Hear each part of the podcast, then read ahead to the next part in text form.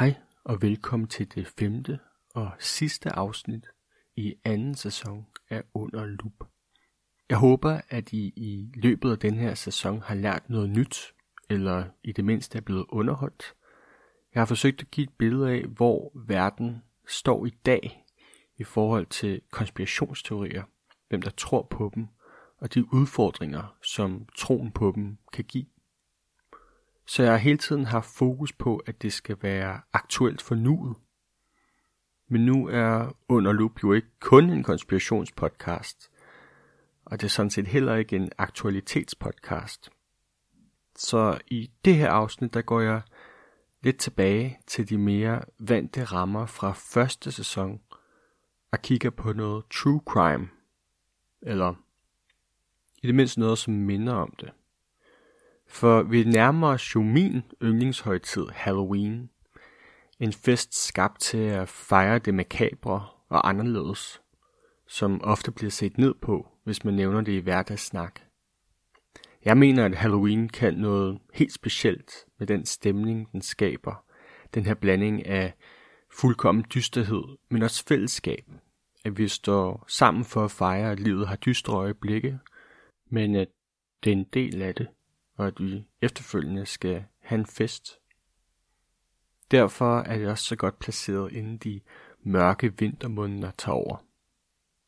Men true crime og krimier er på en eller anden måde indbegrebet af Halloween. At vi får gjort de her morbide ting underholdende, og måske også lære noget imens. Så i dagens afsnit, der kommer det til at handle om nogle sande sager, men med nogle modifikationer. Jeg laver de her modifikationer, fordi at jeg mener, at man burde behandle en rigtig kriminalsag som ren underholdning.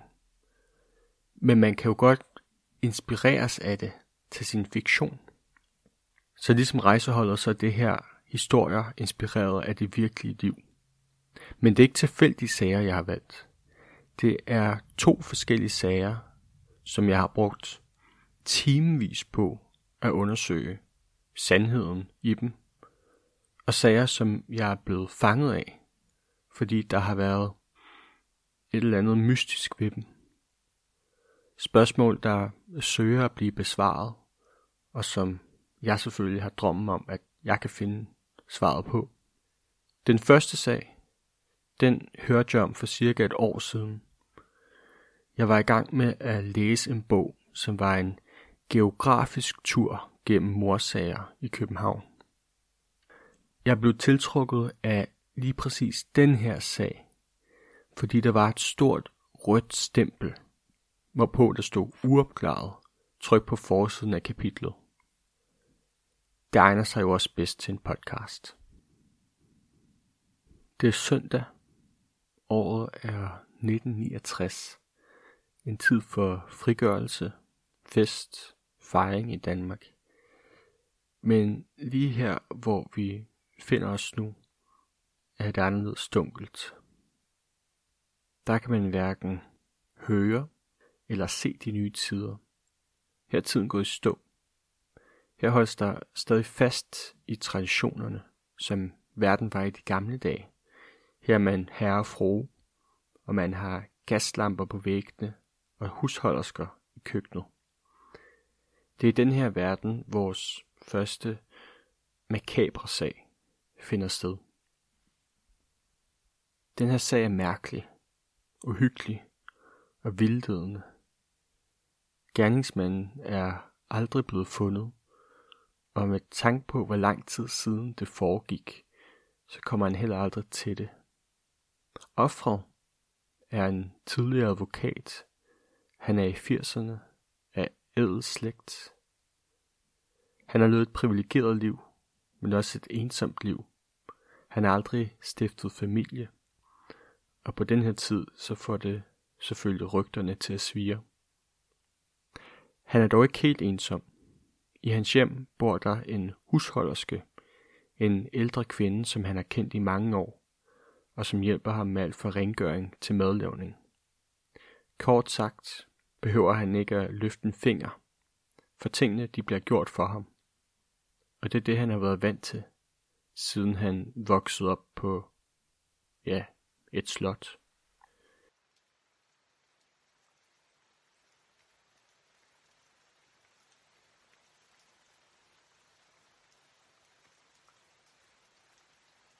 Det er også med den her husholderske, som historien begynder. En uge inden de tragiske hændelser. Hun er på vej hjem med sit indkøb gennem det regnvåde og løvfaldende danske efterårsvejr, da hun skal ind ad døren til lejlighedskomplekset, hvor i hende og offret bor. Det er lidt af en luksuslejlighed med udsigt over hele det indre København. Hun har problemer med at komme ind i opgangen, og en venlig ung mand tilbyder hende hjælp. På trods af hans lange, hippie-lignende hår, virker han venlig og ærlig, og hun tager imod hans hjælp. Hun giver indkøbsposerne til ham, åbner op for døren og lader ham bære tingene op til lejligheden på tredje sal. De småkonverserer på vejen. Han er nysgerrig på, hvad det er, hun laver, hvem det er, hun arbejder for. Hun er nervøs for at fortælle for meget og svare ham med korte svar. Hun er husholderske, og hun arbejder for en advokat. Hans interesse, den virker mærkelig, og det samme gør intensiteten i hans spørgsmål. Det virker ikke som en tilfældighed, at det lige præcis er den her mand, der har hjulpet netop hende det ligner mere en udspørgning end en normal samtale, og da de kom op til lejligheden, er hun begyndt at føle sig utryg. Da de ankommer ved døren, så spørger han, om han lige må låne toilettet derinde. Men på grund af hendes voksne utryghed, og fordi hun ved, at offret ikke vil kunne lide det, så siger hun nej.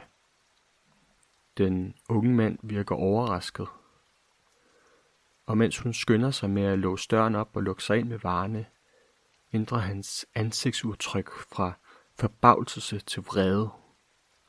Hvorfor må han ikke komme ind? Som hun siger tak for hans hjælp og er ved at lukke døren i, begynder han at hive døren og prøve at få den åben igen. Hun trækker den kraftigt til sig og sætter kædelåsen i, men hun har ikke fået den rigtige lås sat fast.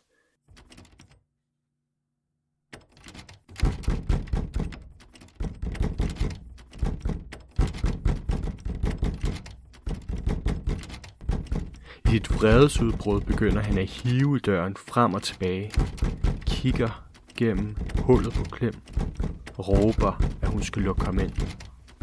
Det bliver han ved med i et par minutter, inden roen igen falder på. Efter at have dulmet sine naver med en lille snaps, går hun hen og låser døren ordentligt. Kort efter begynder en blid banken og en nærmest visken. Luk mig ind.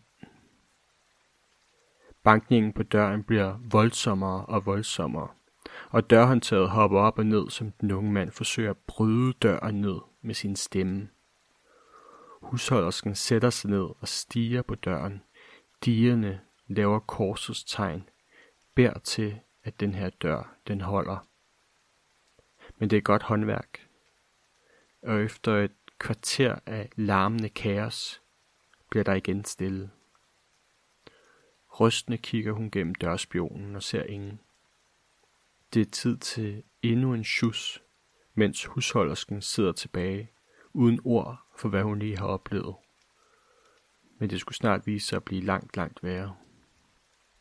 Et par timer senere er offret hjemme igen i lejligheden.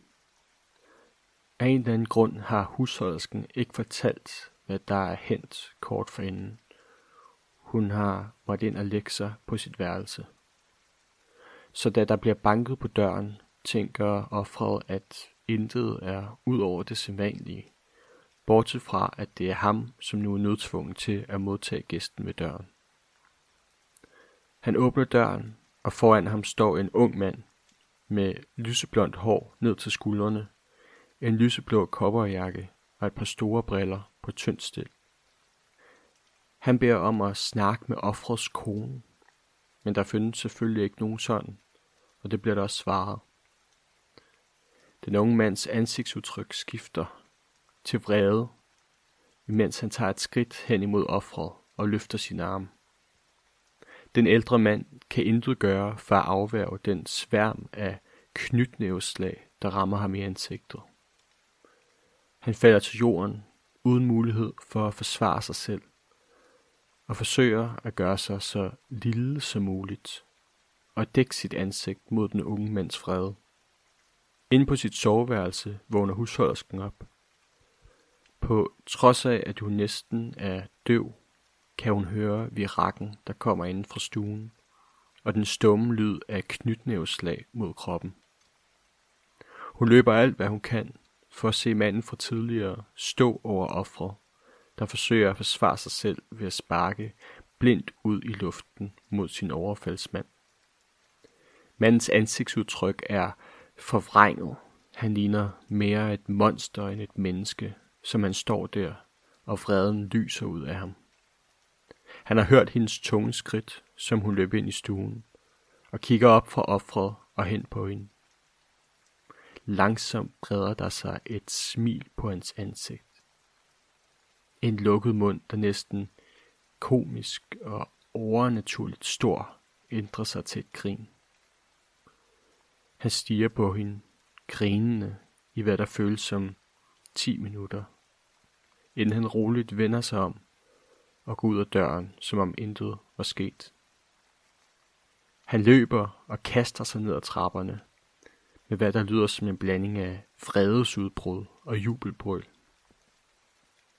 Husholdersken skynder sig hen og låser døren, og derefter hen til offret, der ligger forslået på jorden. Han er stadig ved bevidsthed, og hun hjælper ham hen til den nærmeste stol. Det er nu, hun fortæller, hvad hun oplevede tidligere på dagen, og de bliver enige om at kontakte politiet. Politiet ankommer og hører historien, men kan ikke finde beviser på, at manden har været der andet end de blå mærker, der er blevet efterladt på offret.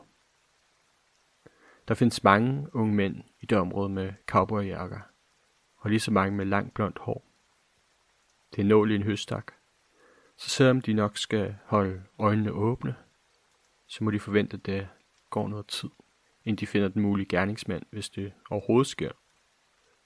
Og uanset hvad, så var offret jo ikke kommet så slemt til skade, så opklaringen af overfaldet vil ikke være deres første prioritet. Alting skulle dog ændre sig. Præcis en uge senere. Efter en uge af restløse nætter og pirlighed ved den mindste lyd, begynder det igen at være hverdag. De værste hævelser er væk, men frygten, den sidder stadig i både offret og husholdersken. Deres hjem er blevet krænket. Det er svært at føle sig helt tryg, når det først er sket, og derfor er roen heller ikke faldet. Særligt ikke, når der er nogen ved døren. Så de havde aftalt, at de begge skulle være med til at åbne døren, når der bliver banket på. Og det bliver der den her søndag. Der bliver banket gentagende gange, og de ved allerede, hvem det er, der er kommet tilbage på besøg. Det næste, der sker, det forstår jeg ingenting af. De ved, hvem det er. Hvorfor åbner de døren? Men det gør de. Måske er det fordi, at de er den gamle skole. Måske er det fordi, de endnu ikke forstår, hvad det er, den unge mand vil. Hvorfor han er kommet her flere gange, og hver gang har optrappet volden, fuldkommen uden grund. De åbner døren, og det vil de fortryde. Foran dem står han så igen. Den her gang har han fået klippet sit hår. Nu er det kort, næsten karseklippet. En frisyre, der er meget umodern. Men der er ingen tvivl om, at det er ham. Han har den samme cowboyjakke på.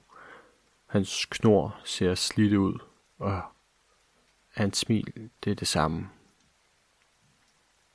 Han ønsker at snakke med offret, en mand, uden husholdsken til stede. Af forståelige årsager har offeret ingen interesse i det. Han nægter at sige et ord til manden. Han skal forlade lejligheden øjeblikkeligt, og han skal ikke vise sit ansigt igen. Og igen her er jeg uforstående. Hvorfor smækker de ikke døren i hans ansigt, så snart hans hensigt står klart? Hvorfor fjerner de ikke sig selv fra en situation, som kun kan ende tragisk?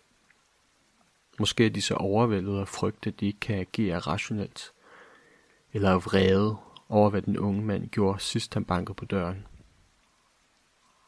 Uanset hvad, så får de ikke lukket den dør. I stedet så tager den unge mand en kniv frem fra sin lomme, og nærmest manisk hopper på offeret og angriber ham. Husholdsken står tilbage i vildrede. Hvad skal hun gøre? Hun har ikke kræfterne til at hive ham af offeret, og selv hvis hun gjorde, så har han en kniv. Hun løber forbi de to kæmpende mænd ud i lejlighedsopgangen og skråler efter hjælp. To mænd på vej ind i deres lejlighed hører hendes skrig og sprinter op ad trapperne og ind i lejligheden. De er kortvis paralyseret, da de møder et uhyggeligt syn. Foran dem sidder den unge mand oven på offret og dolker ham i brystet. Offret er allerede svagt og kan intet stille op, som han ligger der hjælpeløst. Den unge mand vender sit hoved om og ser de to nye mænd. Han rejser sig stille og roligt, kigger en sidste gang tilbage på offret og går hen mod døren. Han siger ikke et ord, men holder kniven troende mod de to mænd, mens et smil samler sig i krogen på hans læber.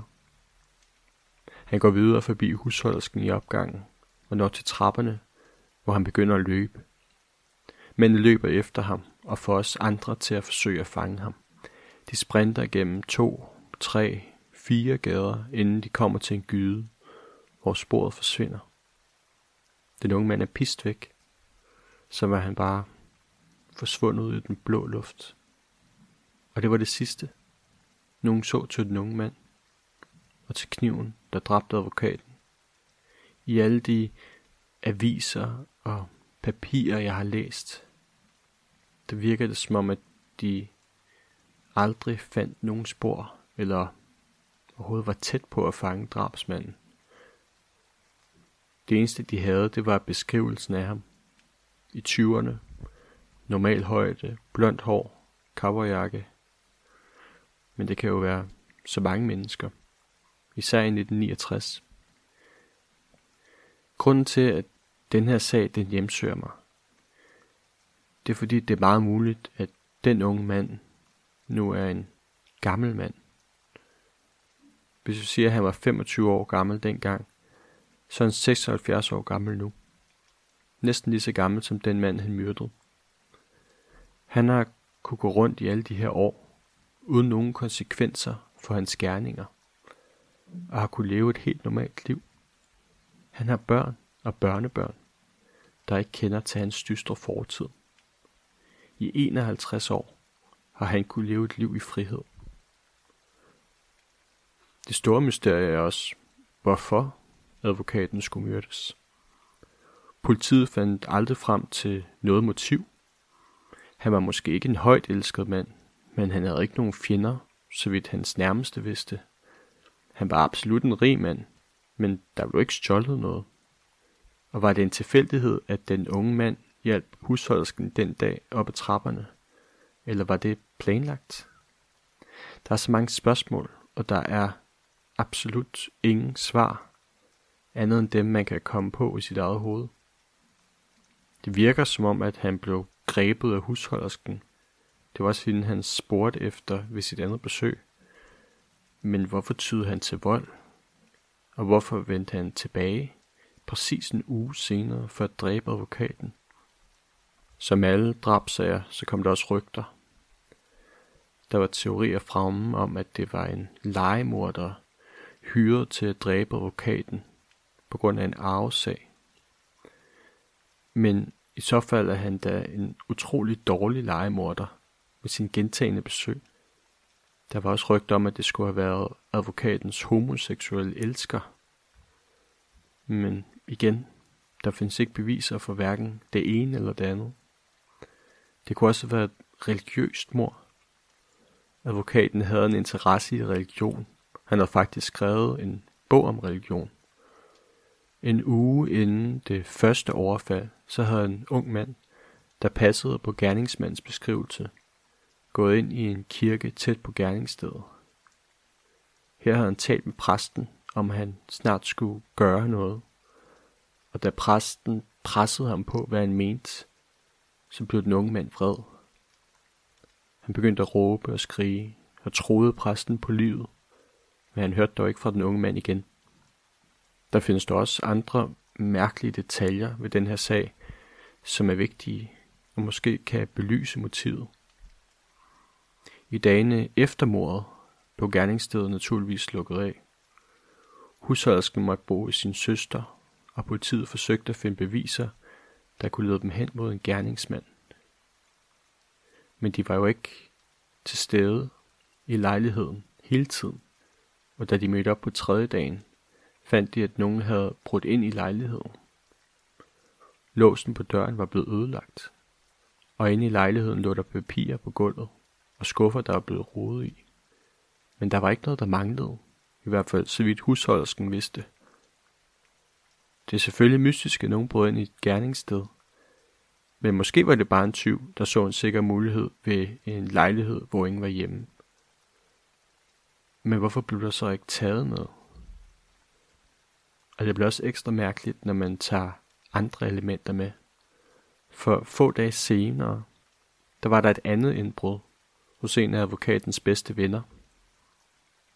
Her virkede det også som om, at der var nogen, der ledte efter noget. Alt i personens lejlighed var blevet åbnet og tømt. Men igen, intet var blevet stjålet. Der er altså et mærkeligt mønster her. Drabet på advokaten kan jo ikke være en tilfældighed. Den unge mand må have troet, at han havde noget, eller dem, der stod bag den unge mand, gjorde. Uden for vennens gennemråde lejlighed stod en buket blomster, som en form for undskyldning for hvad der var gjort. Præcis en uge senere gentog det samme sig, og det var formentlig den sidste chance for at fange advokatens morder. Det er selvfølgelig med mindre, man tror, at et andet og endnu mere uhyggeligt mor, der blev begået nogle få måneder forinden, var af den samme gerningsmand.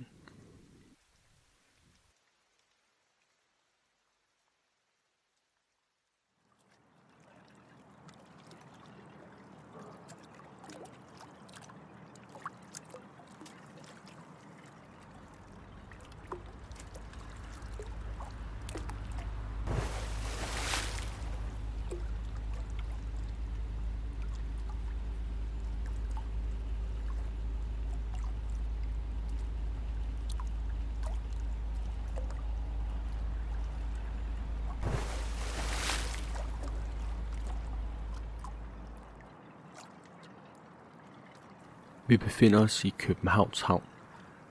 Det er sen sommer, og de sidste både er på vej ind i havn, og de sidste badegæster har snørklet håndklæderne omkring den og startet turen hjem.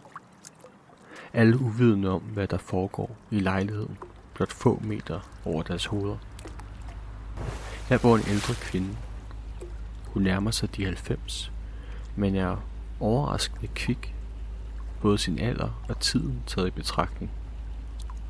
Hun er i krig. Hun er tidligere stuepige, der har arbejdet for nogle magtfulde mænd.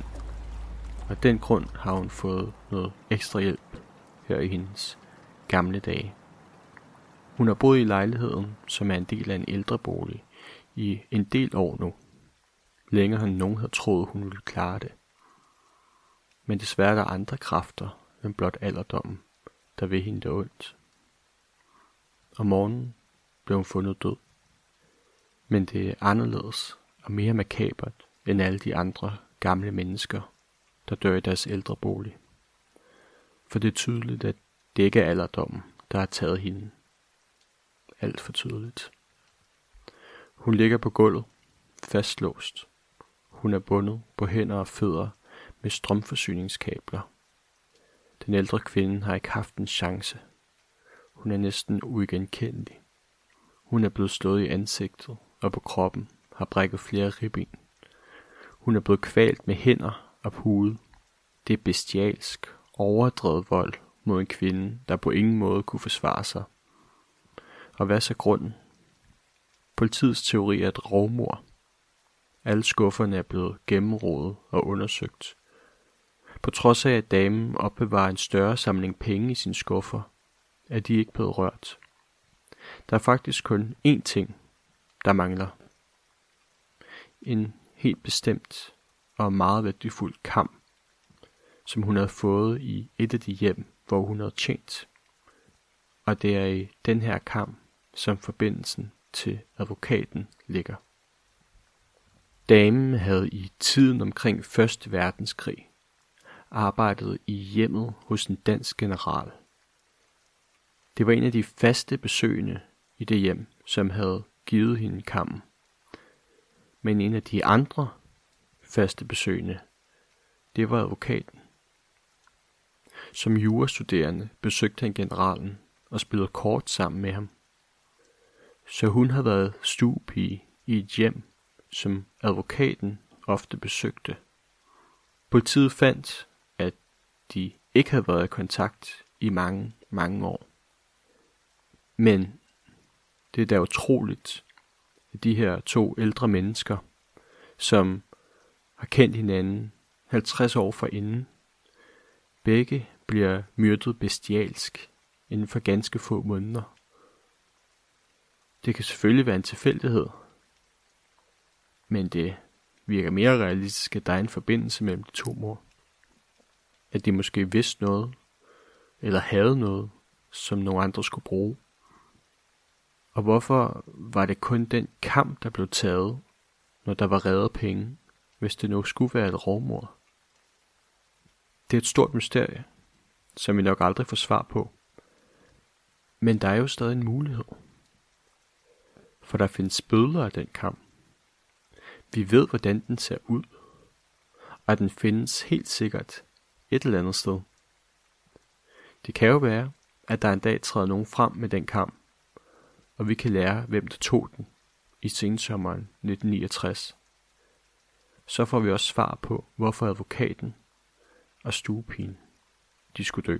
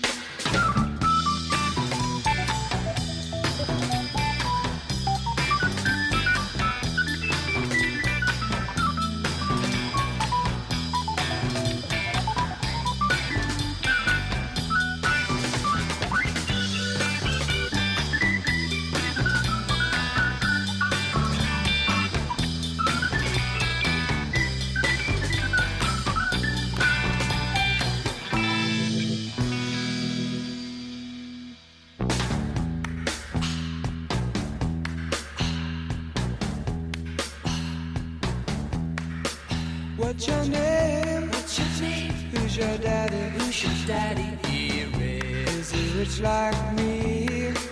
Has he taken? Has he taken any time? Any time to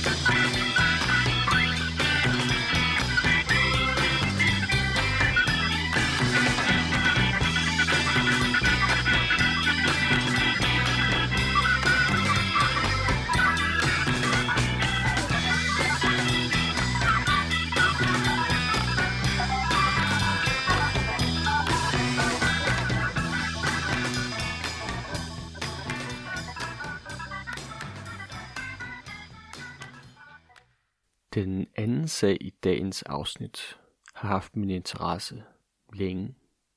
Over to år, tror jeg faktisk. Det interessante ved den her sag er dualiteten i offret. Hvordan hun både til synlandet levede i en form for fantasiverden, hvor alt var godt og spændende, men endte med at rode sig ud i et mareridt. Vi er igen i 1969, hvor den forrige historie var bundet i de konservative værdier fra overklassen, er offret i den her historie indbegrebet af de glade 60'ere. Hun er danser, sanger og model. Hun vandt prisen som årets bypige i sin hjemby. Og hun er bare typen, som alle godt kan lide. Hun er godhjertet, godtroende. Ja, nok lidt naiv. I løbet af de foregående år har hun turneret landet rundt som en af de bedste dansere i Danmark. Hvis hun var med, så vidste man, at det var en god fest, og at der skulle danses igennem. Hun har også været forsanger i et band, der oplevede hmm, moderat succes. Nok til at være kendte, men ikke nok til at kunne leve af det. Udadtil er alt godt, men privatlivet er mere ustabilt. Hun har svært ved kærligheden og ved at finde stabilitet. Hun er udkørt. Hun har haft for mange dårlige forhold, og der er for mange, for hvis hendes rygte er kommet hende i forkøbet. Hun har brug for en luftforandring, og derfor tager hun til København.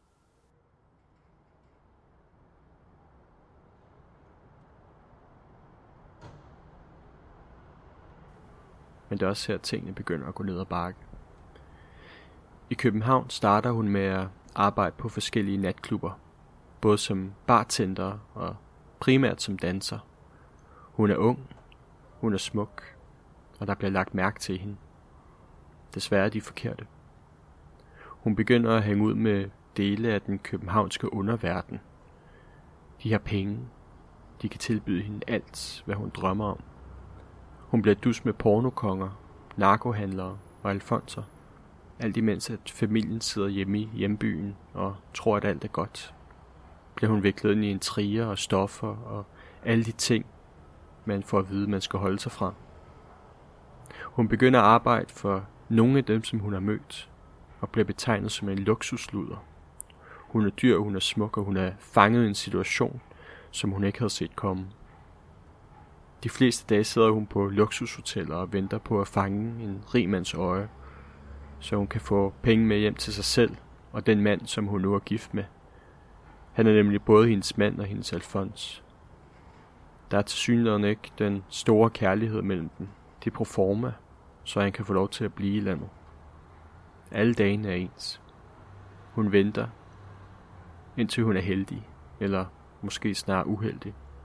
Indtil en dag, hvor hun ikke dukker op.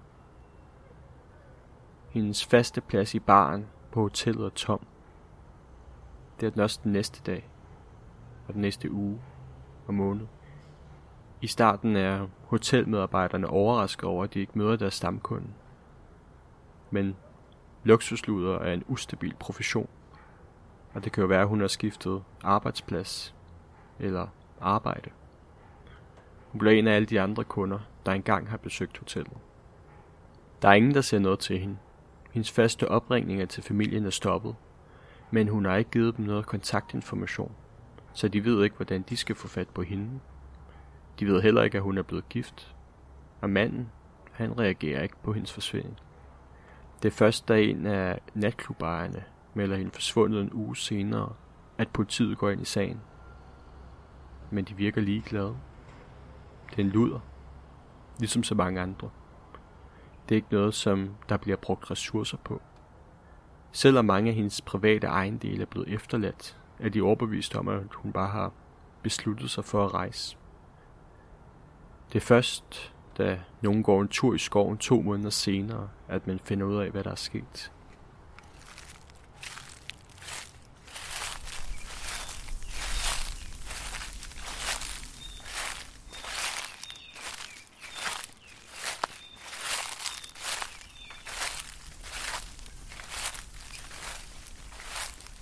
Inde i et buskads ligger der en fod og stikker ud. Da politiet ankommer, at der ikke det store at finde.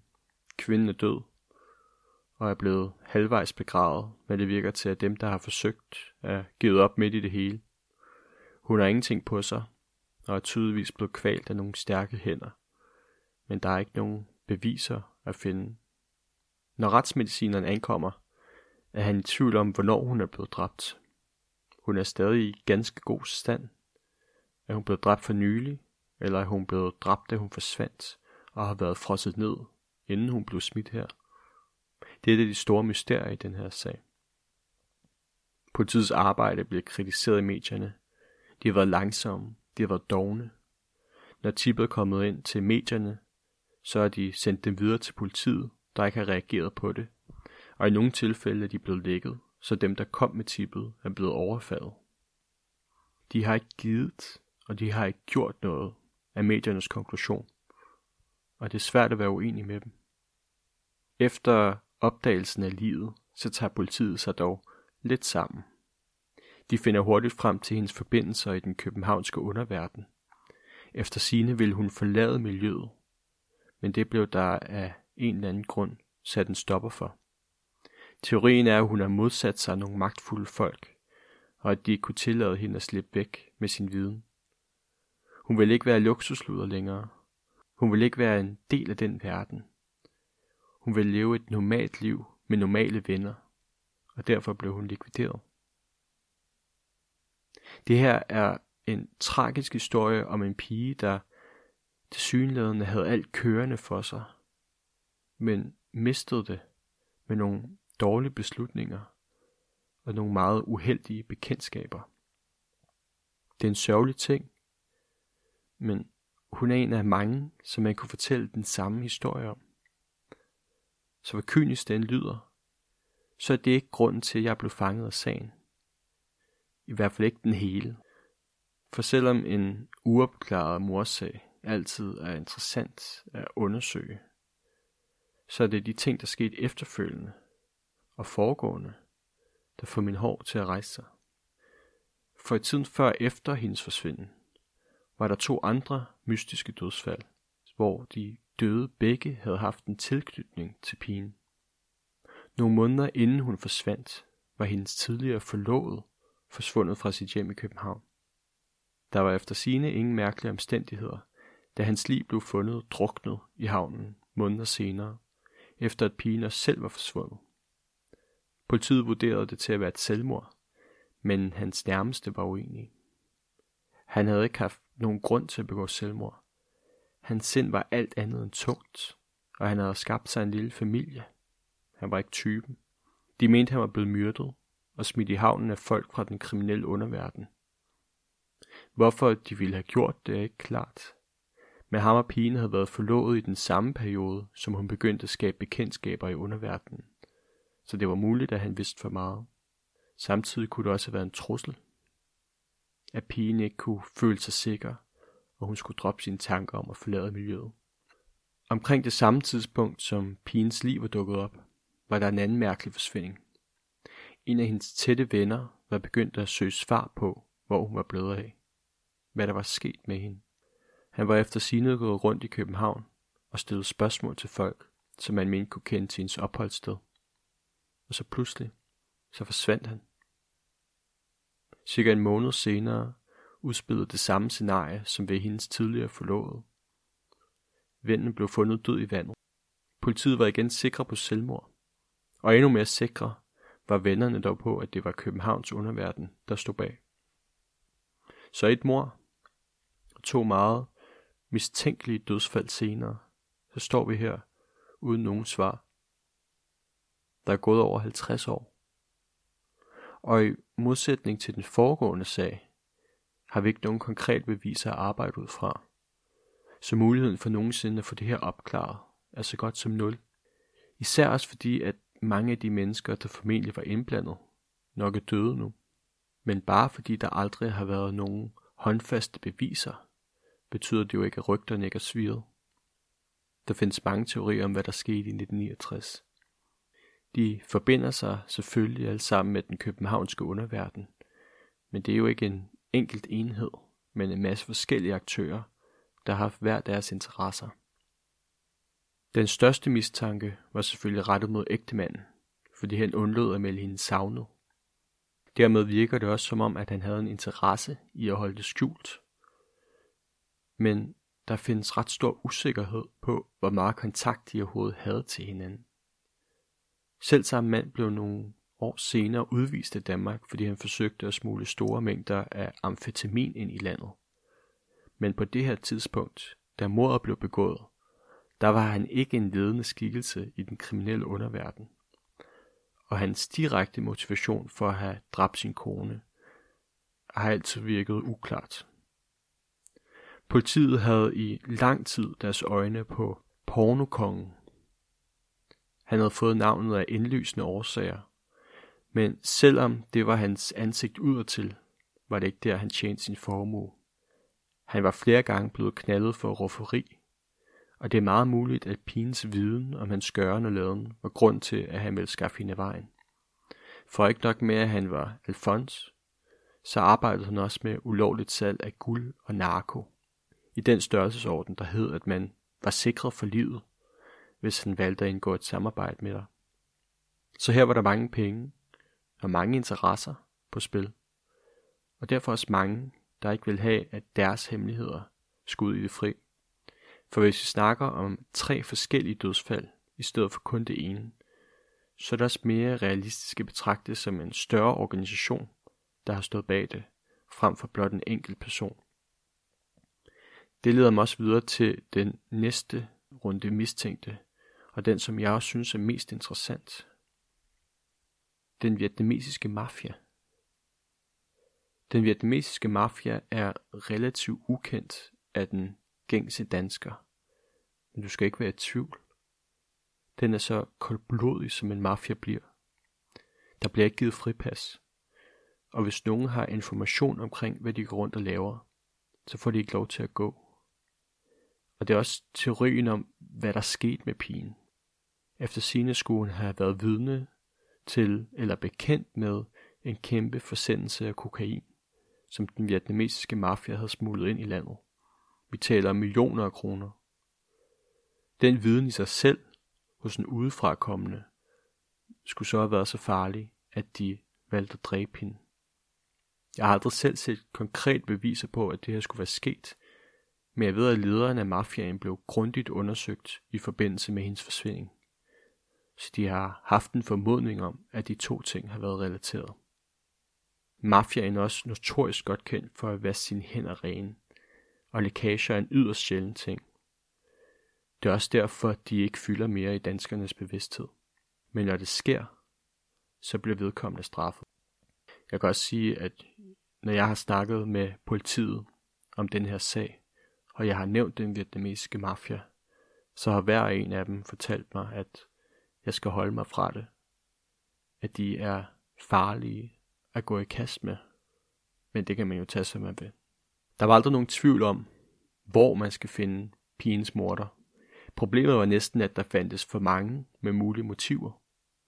Udover de tre, jeg lige har nævnt, har der også været diskuteret, om der var en mulig kunde, der kunne have gjort det. En handel, der var gået galt.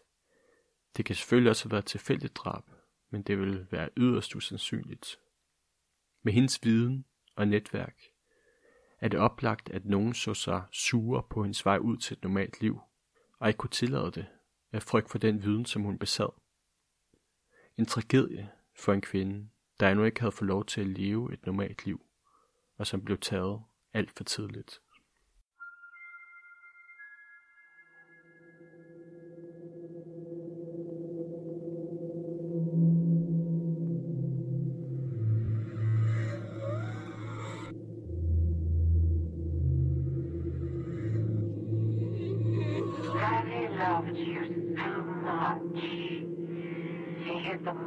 Most important thing the world has ever known.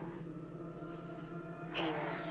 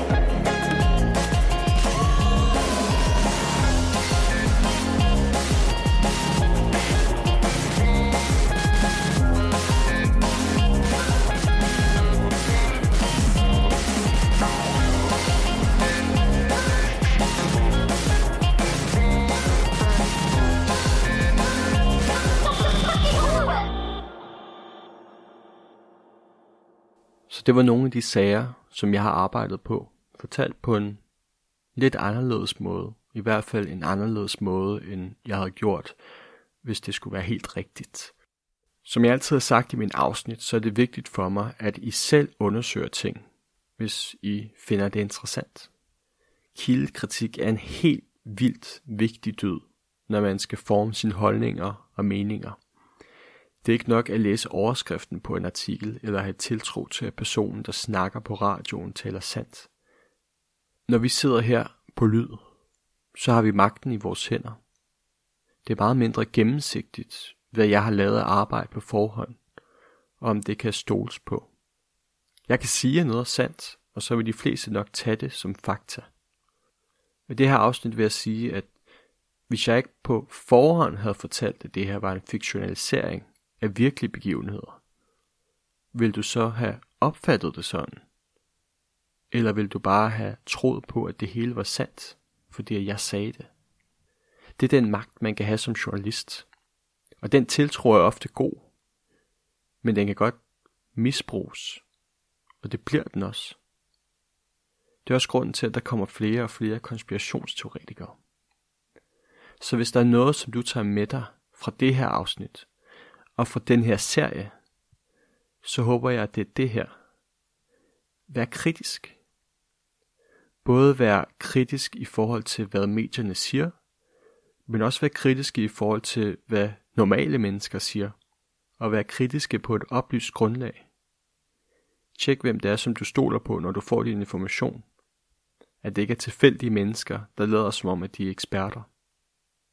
Det er de tanker, som jeg får med mig, når jeg har snakket med konspirationsteoretikere, eller når jeg sidder og hører en true crime podcast, eller for den sags skyld en dokumentar.